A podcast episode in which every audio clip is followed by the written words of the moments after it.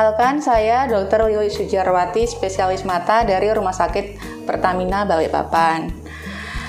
Eh, di era pandemi corona ini, salah satu gejala di mata pada infeksi COVID-19 adalah mata merah.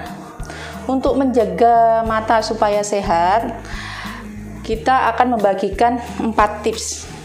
Yang pertama, mata tidak boleh cepat capek Caranya dengan 20 menit bila kita beraktivitas di depan komputer atau gadget, mata diistirahatkan selama 20 detik.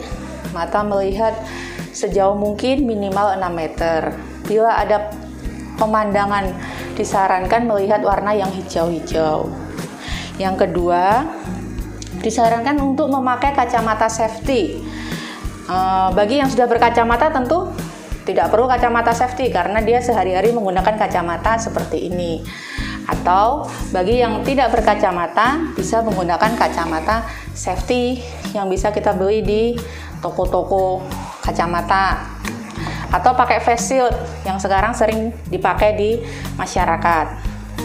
Kemudian yang ketiga, kita harus sering mencuci tangan pakai sabun dan tidak disarankan untuk mengucek-ngucek mata.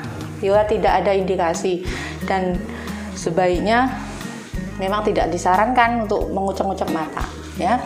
Kemudian yang keempat bila mata masih merah selama tiga hari eh, ada keluar kotoran atau diberi obat penyegar mata masih tetap merah sebaiknya dibawa ke dokter mata terdekat Demikian tips singkat dari kami, semoga bermanfaat.